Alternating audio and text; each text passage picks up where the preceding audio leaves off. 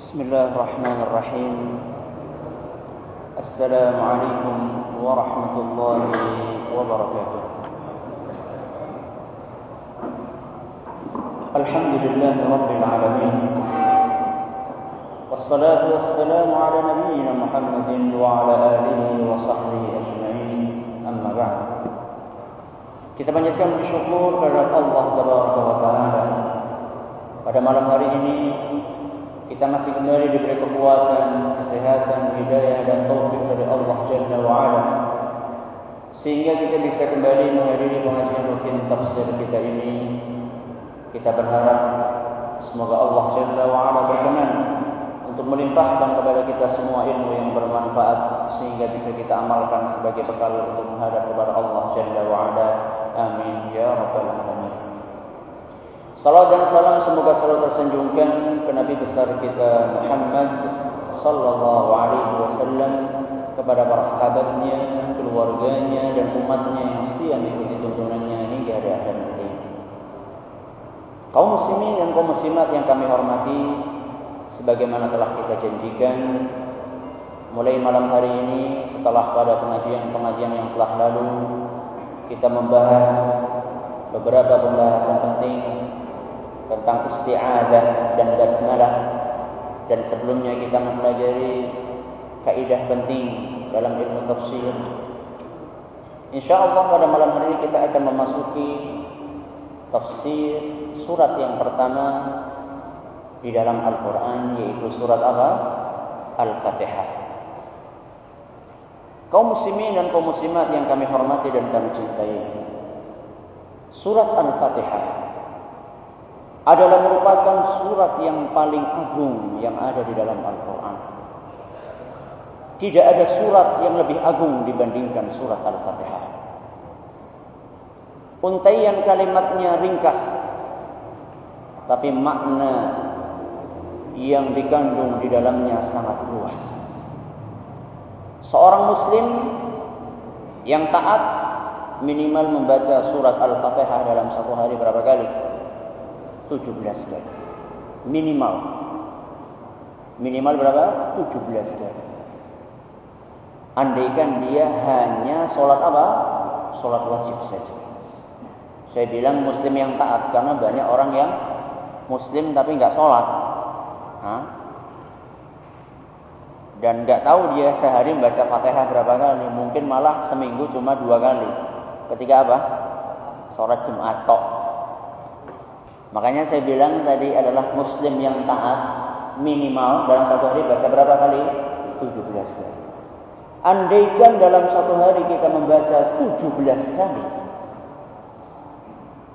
Berarti sejak kita kecil sampai dewasa sudah berapa ratus kali kita membaca surat Al-Fatihah. Atau mungkin sudah berapa ribu kali kita membaca surat Al-Fatihah. Namun yang jadi pertanyaan, sudahkah kita memahami mutiara kandungan makna yang ada di dalamnya?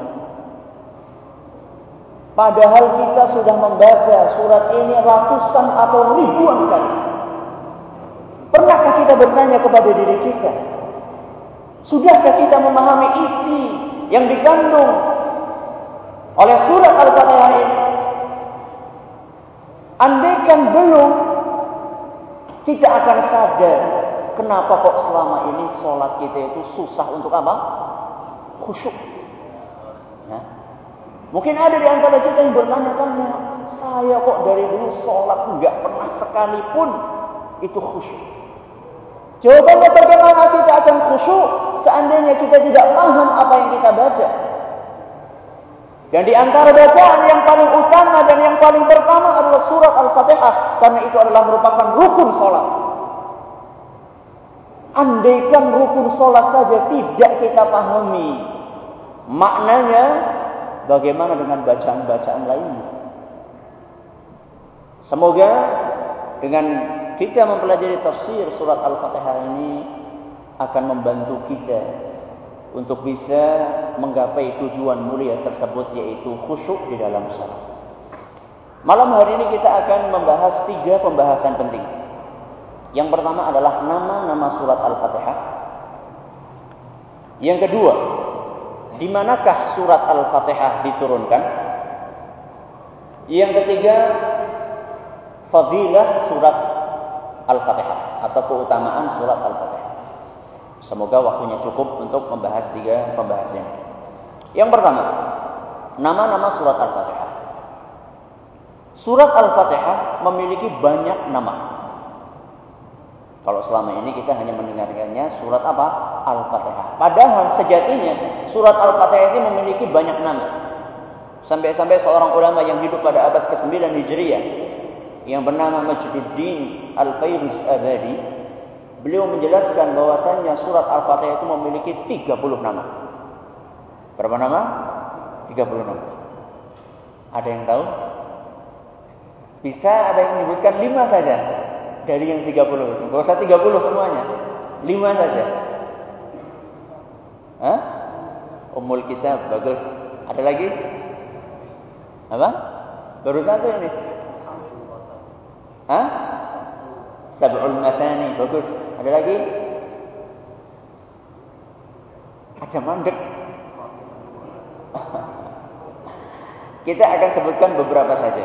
Kita akan sebutkan beberapa saja karena waktunya terbatas. Yang jelas-jelas ada dalilnya. Yang pertama, surat Al-Fatihah atau Fatihatul Kitab. Ini nama yang pertama yaitu surat Al-Fatihah atau Fatihatul Kitab. Al-Fatihah itu artinya pembuka, Fatihatul Kitab artinya adalah pembuka kitab. Apa dalilnya? Dalil yang menunjukkan adanya penamaan ini adalah sabda Nabi Shallallahu Alaihi Wasallam yang diriwayatkan oleh Imam Bukhari dan Muslim. Kata beliau Shallallahu Alaihi Wasallam, la salata liman lam yaqra bi Fatihatul Kitab. Tidak ada solat bagi orang yang tidak membaca Fatihatul Kitab. Jadi oleh Nabi SAW surat Al-Fatihah dinamakan dengan apa? Fatihatul Kitab. Dan kata Imam Al-Qurtubi, tidak ada perbedaan di antara para ulama dalam masalah penamaan ini. Mereka semuanya sepakat bahwasannya surat Al-Fatihah nama lainnya adalah Fatihatul apa? Kitab. Kenapa kok dinamakan dengan Fatihatul Kitab atau Al-Fatihah? Jawabannya sebagaimana yang dijelaskan oleh para ulama di antaranya adalah Imam Al-Qurtubi juga tiga hal. Yang pertama, karena orang membaca Al-Qur'an didahului dengan membaca surat apa? Al-Fatihah. Makanya ini kan pembuka Fatihah, pembuka atau pendahuluan. Ini yang pertama. Yang kedua, kenapa dinamakan Fatihatul Kitab? Karena mushaf Al-Quran dimulai dengan apa? Surat apa? Al-Fatihah. Buka sih Al-Quran. Pertama kali apa? Surat apa? Al-Fatihah. Jadi mukaddimahnya Al-Quran ya apa? Ya surat Al-Fatihah. Makanya kita buka pertama kali, yang pertama kali adalah surat Al-Fatihah. Ini yang kedua. Yang ketiga, kenapa dinamakan Fatihatul Kitab? Karena seorang memulai bacaan dalam sholatnya dengan bacaan apa? Surat Al-Fatihah. Sebelum dia membaca suratan yang lainnya, dia pertama kali membaca apa dulu? Surat Al-Fatihah. Ini tiga hal kenapa kok dinamakan surat ini Al-Fatihah atau Fatihatul Kitab. Jadi ini nama yang pertama. Nama yang pertama Al-Fatihah atau apa tadi? Fatihatul Kitab. Yang kedua, di antara nama surat Al-Fatihah adalah Ummul Kitab. Ummul Kitab atau Ummul apa? Quran. Ummul Kitab atau Ummul Quran. Ini sama saja. Apa dalilnya? Adanya penamaan ini dalilnya adalah sabda Nabi Shallallahu Alaihi Wasallam yang diriwayatkan oleh Imam Tirmidzi. Dan beliau berkata bahwasanya hadis ini adalah hasan sahih. Kata Rasul Shallallahu Alaihi Wasallam, Alhamdulillah. Surat Alhamdulillah yaitu surat Al-Fatihah Kata Nabi sallallahu alaihi wasallam, Ummul Quran. Juga Ummul Kitab was-sab'ul mathani. Dan as-sab'ul mathani. Dan ini akan kita jelaskan nanti. Jadi dalam hadis ini Nabi SAW langsung terang-terang mengatakan Alhamdulillahi ummul kitabi wa um wa ummul qur'ani wa ummul kitabi wa sab'ul masani. Dalam satu sabdanya beliau langsung menamakan Al-Quran dengan tiga nama. Yang pertama Ummul Quran, yang kedua Ummul Kitab, yang ketiga apa? As-Sab'ul Masani. Dan mayoritas ulama membolehkan nama ini. Yaitu Ummul Kitab dan Ummul Quran. Dinamakan demikian kenapa? Kata para ulama di antaranya adalah Al-Iz Ibn Abdussalam dan juga Imam Al-Baghawi serta Imam Ibn Hajar Al-Asqalani mereka mengatakan karena Al-Fatihah adalah intinya Al-Quran. Kalau kita mengetahui umun itu apa artinya? Ibu. Berarti ini ibunya ibunya Al-Quran.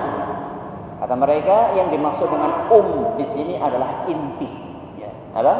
Intinya apa? Intinya Al-Quran.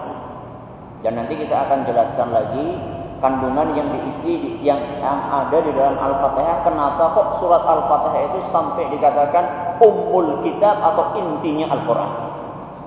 Ini nama yang kedua, umul kitab sama umul apa? Quran. Yang ketiga, di antara nama surat Al-Fatihah adalah Al-Qur'anul Azim. Apa? Al-Qur'an Al-Azim. Apa sih artinya Al-Qur'an Al-Azim? Quran yang apa? Quran yang agung. Al-Qur'anul Azim artinya adalah Quran yang agung. Dalilnya apa Ustaz? Kok Al-Fatihah dinamakan Al-Quranul Azim? Dalilnya adalah surat Al-Hijr ayat 87. Saya mohon mencermati surat ini karena ini akan kita pakai nanti. Surat Al-Hijr ayat berapa? 87. Di dalam surat Al-Hijr ayat 87 Allah Subhanahu wa taala berfirman, "Walaqad atainaka sab'an minal masani wal Qur'anal 'azim." Allah berkata kepada Nabi kita Muhammad sallallahu alaihi wasallam, "Sungguh kami telah mengaruniakan kepadamu tujuh ayat yang diulang-ulang dan Al-Quran yang agung dan Al-Quranul Azim. Yang dimaksud dengan tujuh ayat yang diulang-ulang dan Al-Quran yang agung ini adalah surat apa? Al-Fatihah. Jadi Allah sedang mengingatkan Nabi kita di dalam surat Al-Hijr bahwasannya Allah telah pernah mengaruniakan kepada engkau wahai Muhammad tujuh ayat dan itu adalah Quran yang sangat agung.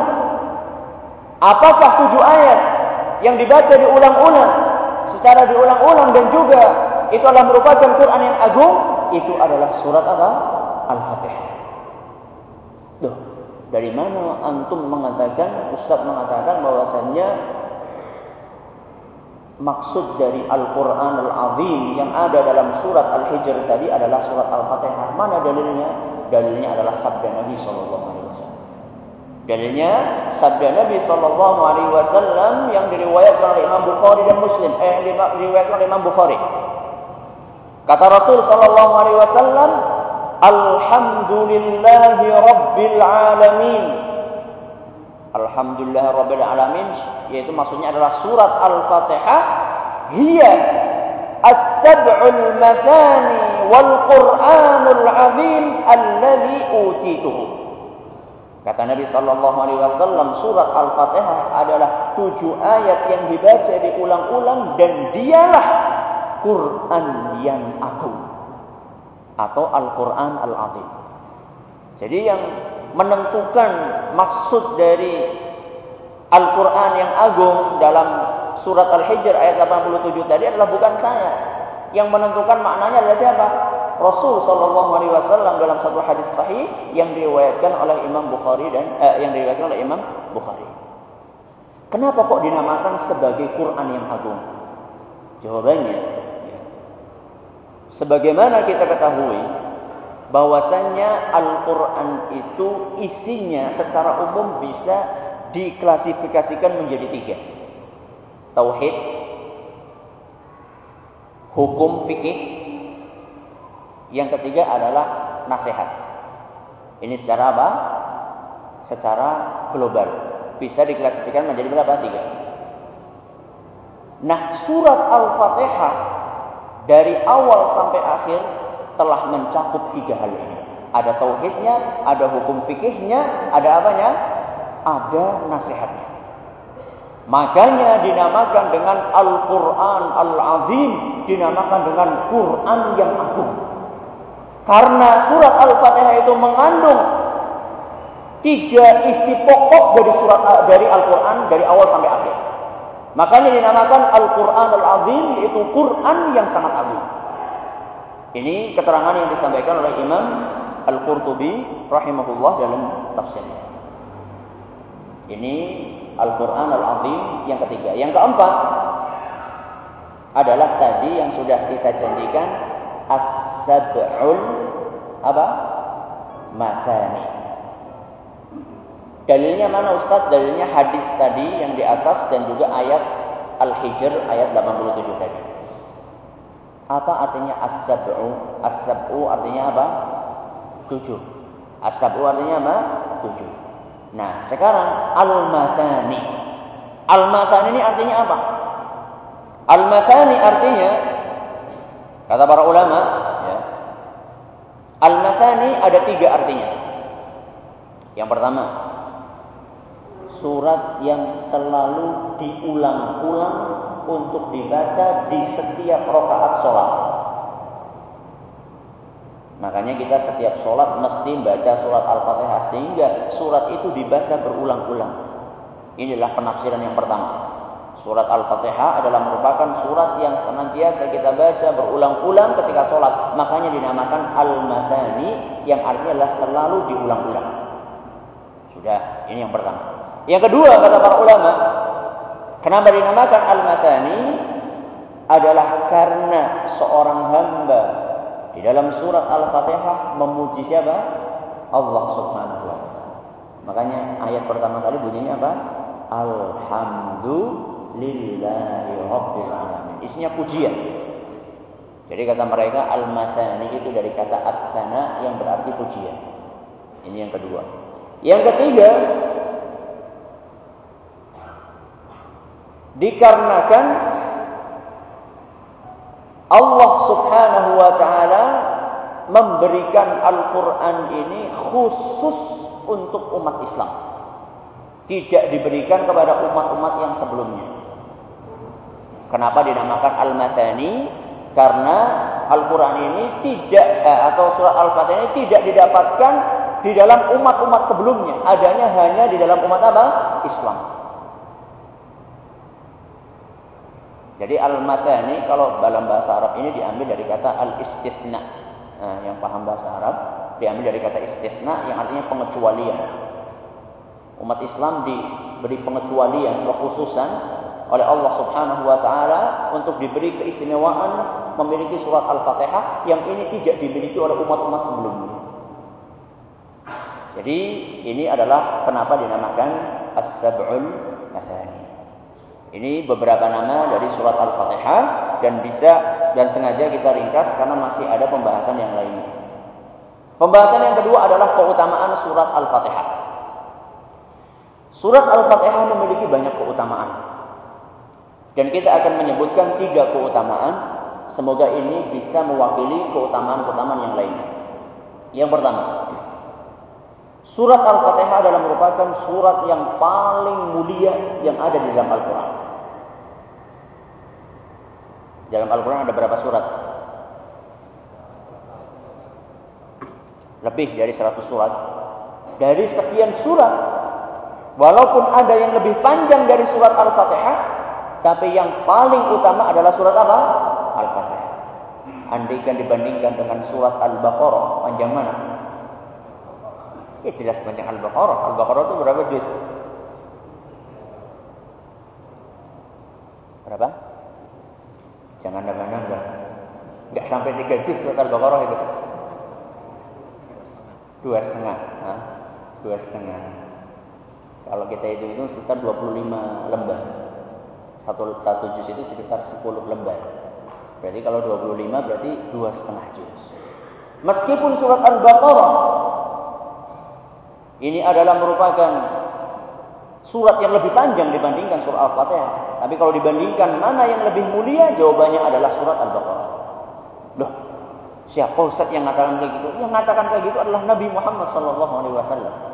Yang mengatakan bahwa surat Al-Baqarah uh, surat Al-Fatihah merupakan surat yang paling mulia adalah Nabi sallallahu alaihi wasallam dalam suatu hadis yang diriwayatkan oleh Imam Bukhari. Hadisnya diriwayatkan oleh Imam Bukhari. Hadis itu diceritakan oleh seorang sahabat yang bernama Abu Sa'id bin Al-Mu'alla. Kata Abu Sa'id bin Al-Mu'alla, "Kuntu usalli." Suatu hari saya sedang sholat sunnah. Fada'ani an-nabiy sallallahu alaihi wasallam falam ujibhu. Ketika saya tengah-tengah sedang sholat, tahu-tahu saya dipanggil oleh Rasul sallallahu alaihi wasallam supaya datang dipanggil sama Nabi SAW. Padahal saya itu sedang apa? Sholat. Falam ujibhu, maka saya pun tidak menjawab panggilan Rasul SAW. Benar nggak ini apa yang dikerjakan oleh Abu Said? Lagi sholat dipanggil sama Rasul nggak datang. Akhirnya selesai sholat, Abu Said datang kepada Nabi Shallallahu Alaihi Wasallam dan berkata, Ya Rasulullah, ini kuntu usolli. Wahai Rasul, saya tadi itu nggak mendatangi panggilanmu dan nggak menjawab karena tadi saya sedang apa? Sedang sholat. Faqala Nabi sallallahu alaihi wasallam Nabi sallallahu alaihi wasallam pun bersabda, "Alam yaqulillah" Bukankah Allah Subhanahu wa taala telah berfirman, "Istajibu lillahi wa lirrasuli idza da'akum" Bukankah engkau telah mendengar bahwasanya Allah Subhanahu wa taala berfirman, Penuhilah panggilan Allah dan Rasulnya jika memanggil kalian. Ini firman Allah ya.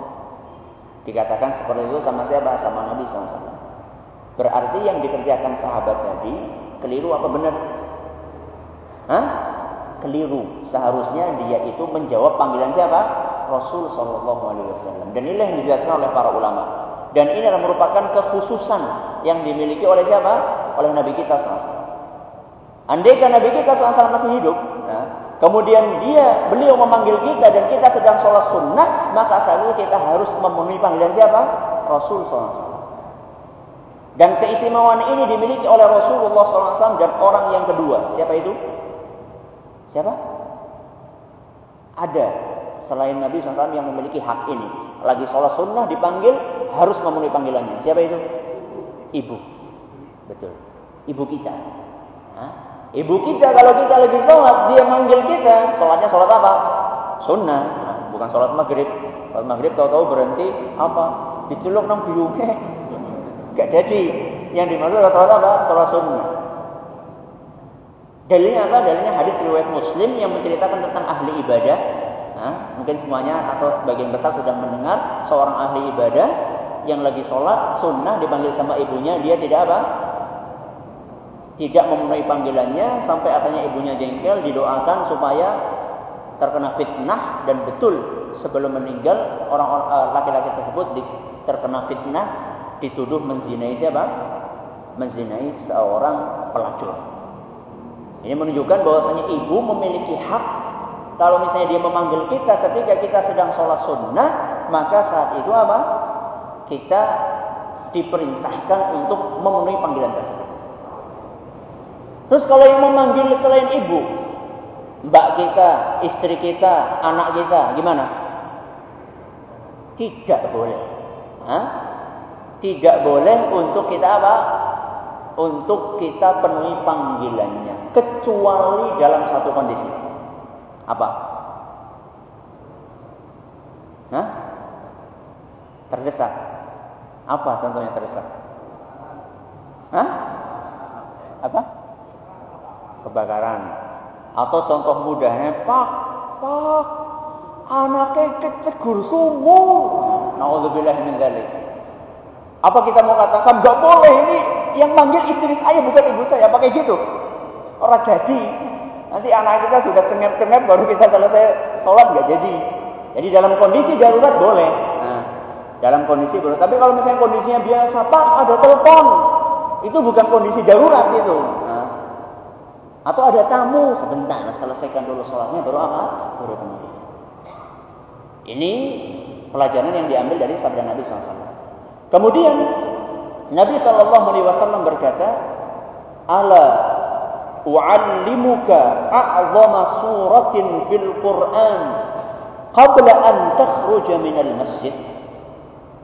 Wahai Abu Sa'id, mau enggak kamu saya ajari surat yang paling mulia yang ada di dalam Al-Quran sebelum keluar dari masjid? Jadi saat itu Abu Sa'id bin Al-Mu'alla sedang sholat di masjid. Kata Nabi SAW, mau nggak kamu saya ajari surat yang paling utama yang ada dalam Al-Quran sebelum engkau keluar dari masjid? Jelas dia mengatakan, jelas mau ya. Karena akan diajarkan oleh siapa? Oleh Nabi Sallallahu Alaihi Wasallam. Kemudian mereka berdua berjalan menuju ke pintu masjid sambil Rasulullah Sallallahu Alaihi Wasallam menggandeng tanganku. Nah, inilah merupakan salah satu akhlak, nah, akhlak yang diajarkan oleh Nabi Sallallahu Alaihi Wasallam. Menggandeng tangan, tangan orang atau murid lah, katakanlah murid dia. Dan itu bukan merupakan suatu hal yang aib. Bahkan itu menunjukkan ketawaduan seorang apa? Seorang ulama dan seorang pemimpin. Jadi yang namanya kiai itu orang kudu tangannya di suni terus. Enggak. Justru dia menggandeng, dia gandeng murid tangan muridnya, dia bawa. Alangkah indahnya andaikan akhlak ulama seperti itu. Atau akhlak seorang pemimpin seperti itu. Bayangkan digandeng presiden priwe rasanya jajan. Hah? Digandeng mungkin Pak Camat aja sudah berbunga-bunga hati kita. Ini bukan hanya presiden yang menggandeng kita, Rasul Shallallahu Alaihi Wasallam, orang yang paling mulia yang ada di muka bumi, menggandeng tangannya, rasanya gimana? Ini adalah akhlak yang mulia yang diajarkan oleh Nabi Shallallahu Alaihi Wasallam. Kemudian kata Abu Sa'id, "Falamma aradna an nakhruja, tatkala kami sudah hampir keluar, sudah hampir keluar kok Nabi belum apa? belum mengajarkan apa yang dijanjikan. Tadi kan janjinya saya akan ajarkan kepada kamu surat yang paling mulia yang ada dalam Al-Quran sebelum apa? Quran ini sudah di depan pintu. Wah ini jangan-jangan nggak jadi. Akhirnya Abu Sa'id berkata, Ya Rasulullah, innaka qulta law 'allimannaka a'zama suratin minal Quran. Wahai Rasul, Bukankah engkau tadi sudah berkata kepadaku akan mengajarkan surat yang paling mulia yang ada dalam Al-Quran sebelum kita keluar? Maka Nabi Shallallahu Alaihi Wasallam berhenti dan berkata, Alhamdulillahi Rabbil Alamin. Surat Al-Fatihah hiya as-sab'ul mathani wal Qur'anul azimul ladzi utituhu. Surat Al-Fatihah adalah tujuh ayat yang dibaca diulang-ulang dan juga Quran yang mulia, yang agung yang dikaruniakan kepadaku. Jadi maksud surat yang akan diajarkan tadi adalah surat apa? Al-Fatihah yang dikatakan oleh Nabi itu adalah surat yang paling apa? Mulia yang ada dalam Al-Quran. Ini keutamaan yang pertama, surat Al-Fatihah adalah merupakan surat yang apa? Yang paling mulia dalam Al-Quran. Keutamaan yang kedua, surat Al-Fatihah adalah merupakan cahaya. Surat Al-Fatihah adalah merupakan cahaya. Dalilnya adalah hadis yang diriwayatkan oleh Imam Muslim. Suatu hadis sahih yang diriwayatkan oleh Imam Muslim dan hadis itu diceritakan oleh Ibnu Abbas. Kata Ibnu Abbas radhiyallahu anhuma, "Bainama Jibril qa'idun 'inda Nabi sallallahu alaihi wasallam" Suatu hari tatkala malaikat Jibril sedang duduk bersama Nabi sallallahu alaihi wasallam tiba-tiba sami'a naqidan min fawqihi. Tiba-tiba mendengar suara di atasnya yang mengagetkan suara yang keras di atasnya. Farafa'a ra'sahu faqala. Begitu mendengar suara itu malaikat Jibril langsung mendongakkan kepalanya melihat ke atas dan berkata, "Hadza babun minas sama'i futiha al-yawm lam yuftah qat illa al-yawm." Kata malaikat Jibril, itu tadi adalah suara pintu yang ada di langit. Yang baru dibuka hari ini sebelumnya tidak pernah dibuka. Jadi langit itu memiliki banyak pintu. Nah, pintu tadi suara tadi suara apa? Pintu dia apa? Dibuka. Saya nggak tahu bunyinya bagaimana. Yang penting bunyinya apa? Suara. Jadi saya nggak mengatakan pintunya bunyinya kriet atau bunyinya apa. Saya nggak mengatakan seperti itu. Saya cuma mengatakan suara. Kata malaikat Jibril itu adalah suara pintu yang dibuka di langit dan pintu itu belum pernah dibuka sebelumnya. Fanazala minhu malak. Ketika pintu itu dibuka, turunlah seorang malaikat. Faqal. Ketika malaikat Jibril melihat malaikat itu, dia langsung berkata, "Hadza malakun nazala ila al-ardi lam yanzil qat illa al Wahai Muhammad, ini yang barusan keluar adalah merupakan malaikat yang akan turun ke bumi dan malaikat ini tidak pernah turun sebelumnya. Jadi pintunya dibuka, pintu yang istimewa, malaikatnya yang turun juga malaikat yang apa? Yang istimewa. Setelah malaikat itu sampai di hadapan Nabi sallallahu alaihi wasallam, malaikat itu berkata, "Abshir binuraini utitahuma lam yu'tahuma nabiyyun qablak." Wahai Muhammad, saya membawa kabar gembira dengan mendatangkan dua cahaya yang tidak pernah Allah berikan kepada nabi sebelumnya. Jadi malaikat tadi begitu sampai ke hadapan Nabi SAW dia langsung berkata, Abshir, wahai Muhammad, saya membawa kabar gembira. Saya membawa dua cahaya. Yang mana dua cahaya tersebut tidak pernah Allah karuniakan kepada Nabi sebelum kamu. Apa dua cahaya itu? Kata malaikat tersebut Fatihatul Kitab. Surat apa? Al-Fatihah wa khawatimu suratil Baqarah. Dan dua ayat terakhir dari surat apa? Al-Baqarah. Apa? Awalnya apa? Amanar Rasulu bima unzila sampai akhir. Kemudian kata malaikat tadi, lan taqra'a biharfin minha illa u'titahu. Setiap engkau membaca satu huruf yang di dalamnya ada permohonan melainkan engkau pasti akan diberi isi dari permohonan tersebut. Di surat Al-Fatihah apa ada permohonannya? Ada enggak ada apa? Ihdinas siratal mustaqim jadi andaikan kita membaca bacaan ini dan kita meresapi maknanya, wahai Rabbi, tunjukkanlah kepada kami, kepada kami jalan yang lurus, maka Allah berjanji akan apa? Akan mengabulkan permintaan kita. Akhir surat Al-Baqarah ada permintaannya enggak? Ada permohonannya enggak? Rabbana la tu'akhidna in nasina au akhtana. Wahai Rabbi, janganlah engkau hukum kami seandainya kami itu salah atau kami lupa. Ini kalau kita membaca ayat ini dan kita hayati, maka saat itu Allah berjanji akan mengabulkan permintaan tersebut. Hadis riwayat Muslim. Ini keutamaan yang kedua Al-Fatihah adalah cahaya. Keutamaan yang ketiga. Surat Al-Fatihah adalah obat. Surat Al-Fatihah adalah apa? Obat.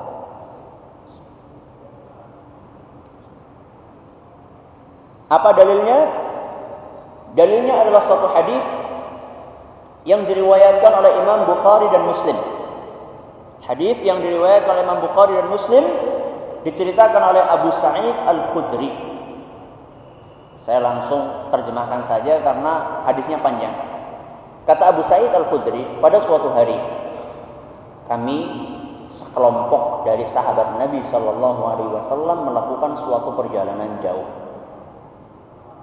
Dan saat itu Nabi tidak bersama mereka. Di tengah-tengah perjalanan, kami singgah di suatu kampung. Kampung milik kabilah Arab. Dan kami, ya yang namanya musafir, itu kan bisa jadi kehabisan bekal. Maka mereka bertamu. Datang untuk bertamu kepada siapa? Kepada orang-orang kampung tersebut. Falam yudhayifuna tapi orang-orang yang ada di kampung itu nggak mau apa? Nggak mau menjamu. Priwe rasanya bertamu, ngelak-ngelak, orang disugi banyu putih be orang.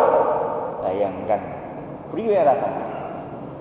Ketika kami sedang seperti itu, tahu-tahu kepala desanya lurah ya, istilah kita lurah itu adalah tersengat binatang yang berpisah. Ya Allah yang mengatur ya. Orang kok kemudian para sahabat tadi nyupatani terus dia apa? Terus akhirnya disengat enggak. Cuman memang kebetulan saat itu si lurai tersengat binatang berbisa. Kalau yang tersengat anak kecil mungkin mereka biasanya ini lurah. Lurah itu ya orang yang paling tinggi di kampung itu. Akhirnya penduduk kampung itu berusaha mencari obat ke sana kemari, diobati, diobati. Enggak ada yang bisa menyembuhkan kondisinya semakin parah. Akhirnya ada di antara orang kampung tadi yang ngomong sama teman-temannya. Kenapa kita tidak coba datangi orang-orang asing yang baru datang itu? Siapa tahu ada di antara mereka yang punya sesuatu. Mereka ya mau datang tapi rasanya kepriwe isin kan ya. Wis mau bertamu nggak disuguh sekarang apa? Minta tolong. Akhirnya karena mereka sudah kebingungan, ini kalau nggak di, nggak ditolong, jangan-jangan ini mati. Nah, akhirnya mereka mungkin dengan malu-malu mendatangi para sahabat Nabi SAW. Mereka ber, mereka berkata, wahai para sahabat, wahai orang-orang, wahai bapak-bapak, uh, lurah kami tersengat binatang berbisa dan kami sudah berusaha untuk mengobati dengan segala cara tapi tidak ada yang bermanfaat buat dia sama sekali. Mungkinkah atau apakah ada di antara kalian yang memiliki sesuatu, maksudnya bisa mengobati orang ini? Langsung salah seorang sahabat berkata, "Nah, iya. Saya bisa." Tapi kata dia, "Kalian tadi tidak mau menjamu kami."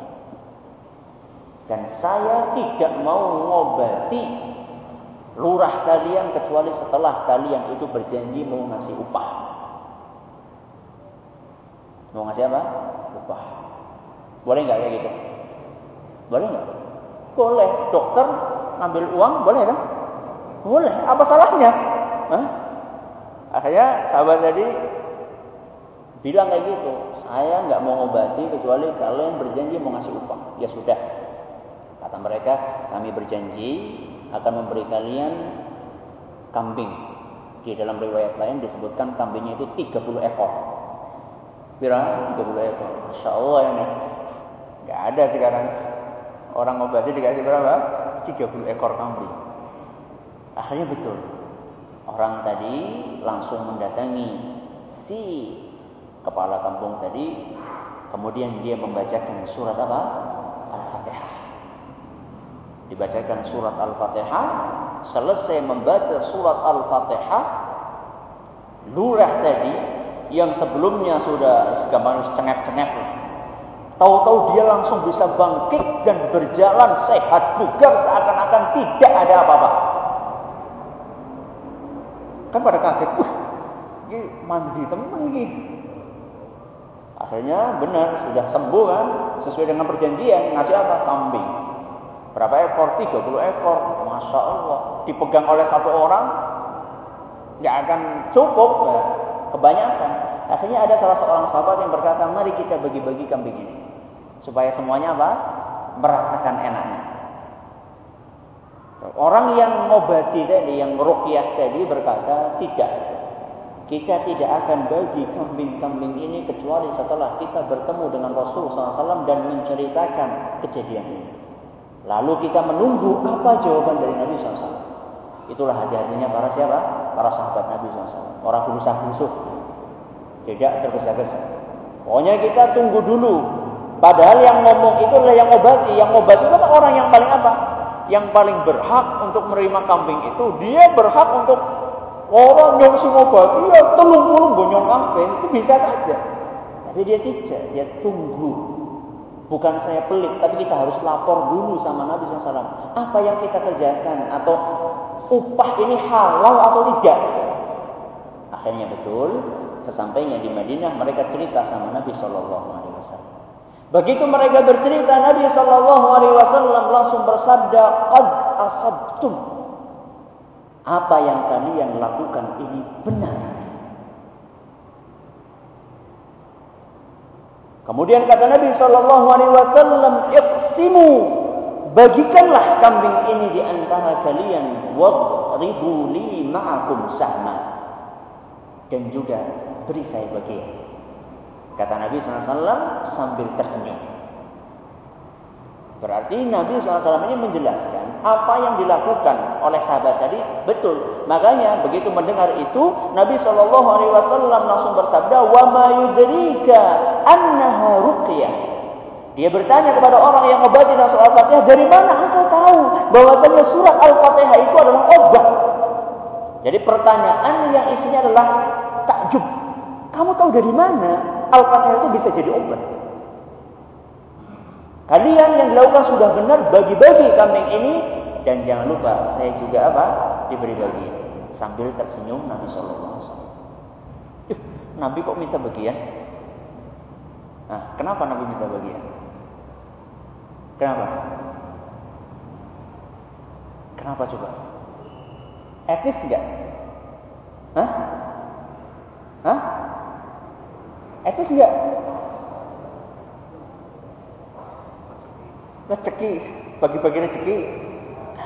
Ya ikhwan, wahai bapak ibu sekalian, Nabi SAW ingin mengajarkan, ingin menjadikan hati para sahabat itu tenang. Bahwa yang kalian kerjakan itu betul-betul benar. Makanya saya pun juga mau makan dari hasil itu. Jadi bukan karena Nabi, wah mentang-mentang Nabi pemimpin minta bagian. Bukan itu Nabi itu ingin menjelaskan sama para sahabatnya. Saya itu bukan hanya mengajari kalian dengan ucapan, saya juga akan praktek untuk menunjukkan bahwasanya yang kalian makan itu halal, betul-betul 100% halal, maka saya pun juga ikut apa? Ikut makan. Jadi bukan karena lakus naudzubillah min tidak.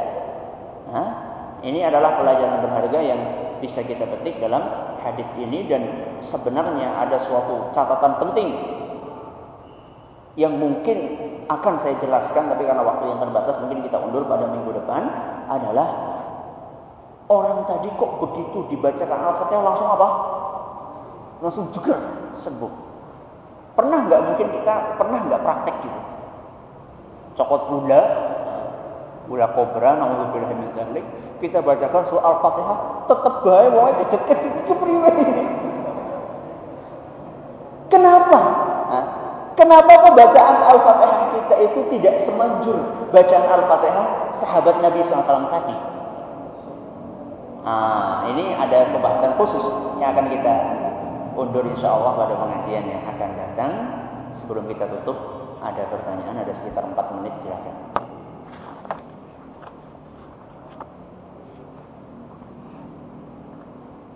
Silakan, ada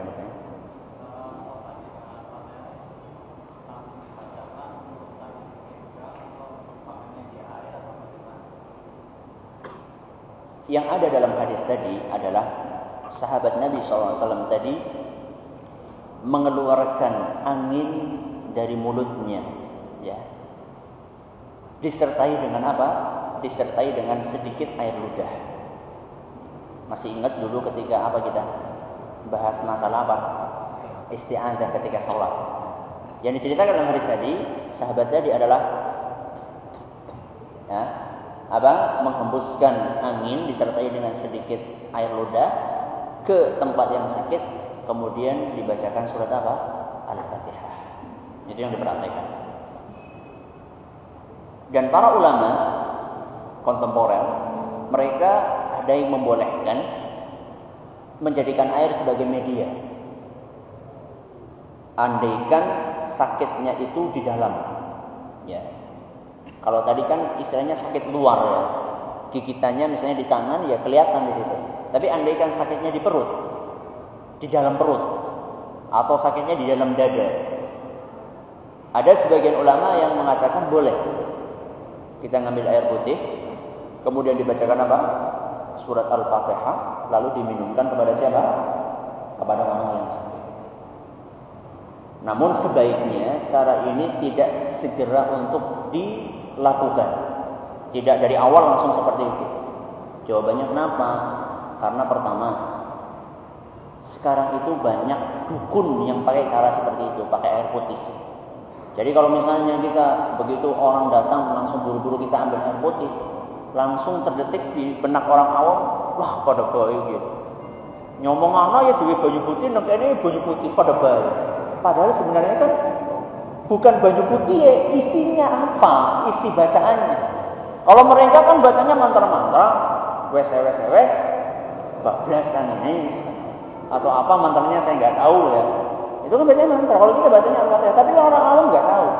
Orang awam, ya namanya orang awam, ya mereka tahunya ngertinya Bali bawa banyu putih, itu saja. Nggak tahu apa yang dibaca. Makanya sebaiknya tidak dari awal. Begitu datang langsung kita apa? Kasih air putih, sebaiknya tidak seperti itu. Kecuali kalau memang terpaksa dan harus, maka nggak masalah bacakan soal uh, bacakan di, di air putih, cuman bacanya itu dikeraskan supaya orang yang di hadapan kita kita itu dengar apa yang kita baca. Aja gremeng, nah, jangan komat kamit. Nah, jangan komat kamit, komat kamit, wah tambah yakin lagi, wah kita dukun gitu. Seperti itu. Ada lagi silakan? Ya.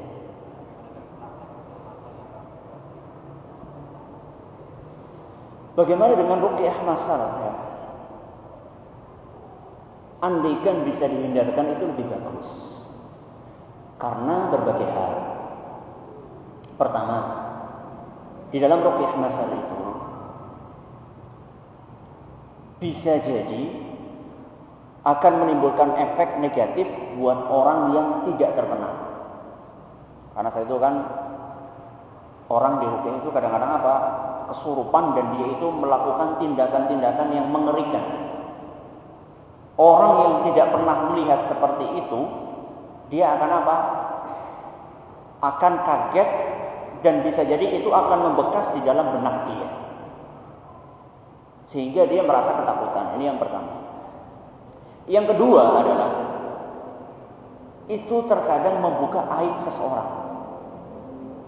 Bu, Pak Anu be, nang masjid mengeluarkan jurus Jackie Chan ketika dia apa? Di rupiah.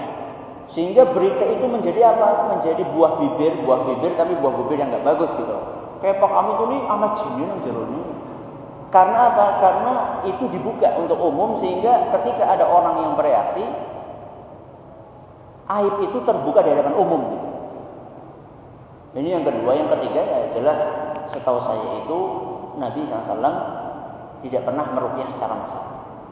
Itu yang secara landasan asas itu seperti itu. Itu sebaiknya sebaiknya adalah dirukyah sendiri andaikan itu memungkinkan. Ya, ada lagi? Atau sudah habis waktunya?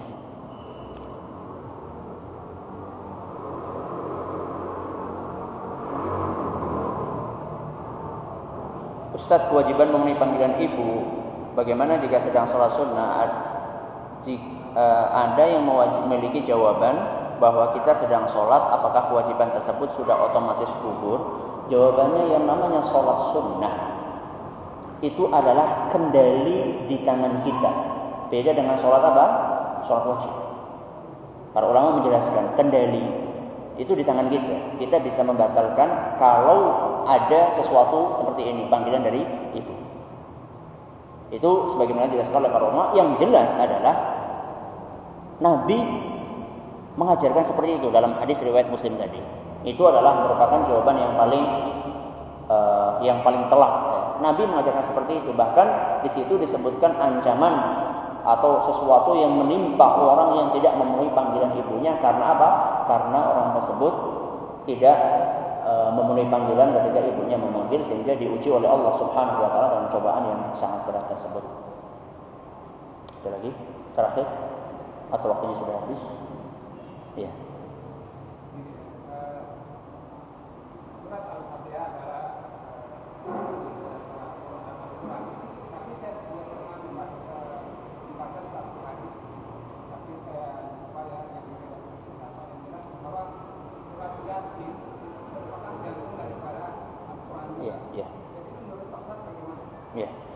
Ada suatu hadis katanya yang mengatakan bahwasanya surat Yasin adalah jantung dari Al-Qur'an. Surat Yasin qalbul Qur'an. Itu redaksinya. Kita katakan itu adalah hadis yang lemah. Itu adalah hadis yang lemah sehingga tidak bisa dijadikan sebagai argumentasi.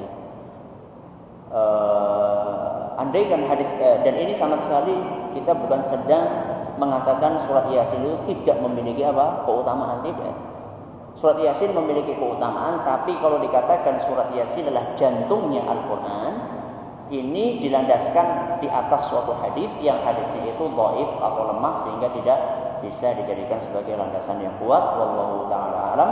Atas segala perhatiannya mengucapkan terima kasih dan atas segala kurang dan mohon maaf yang sebesar-besarnya.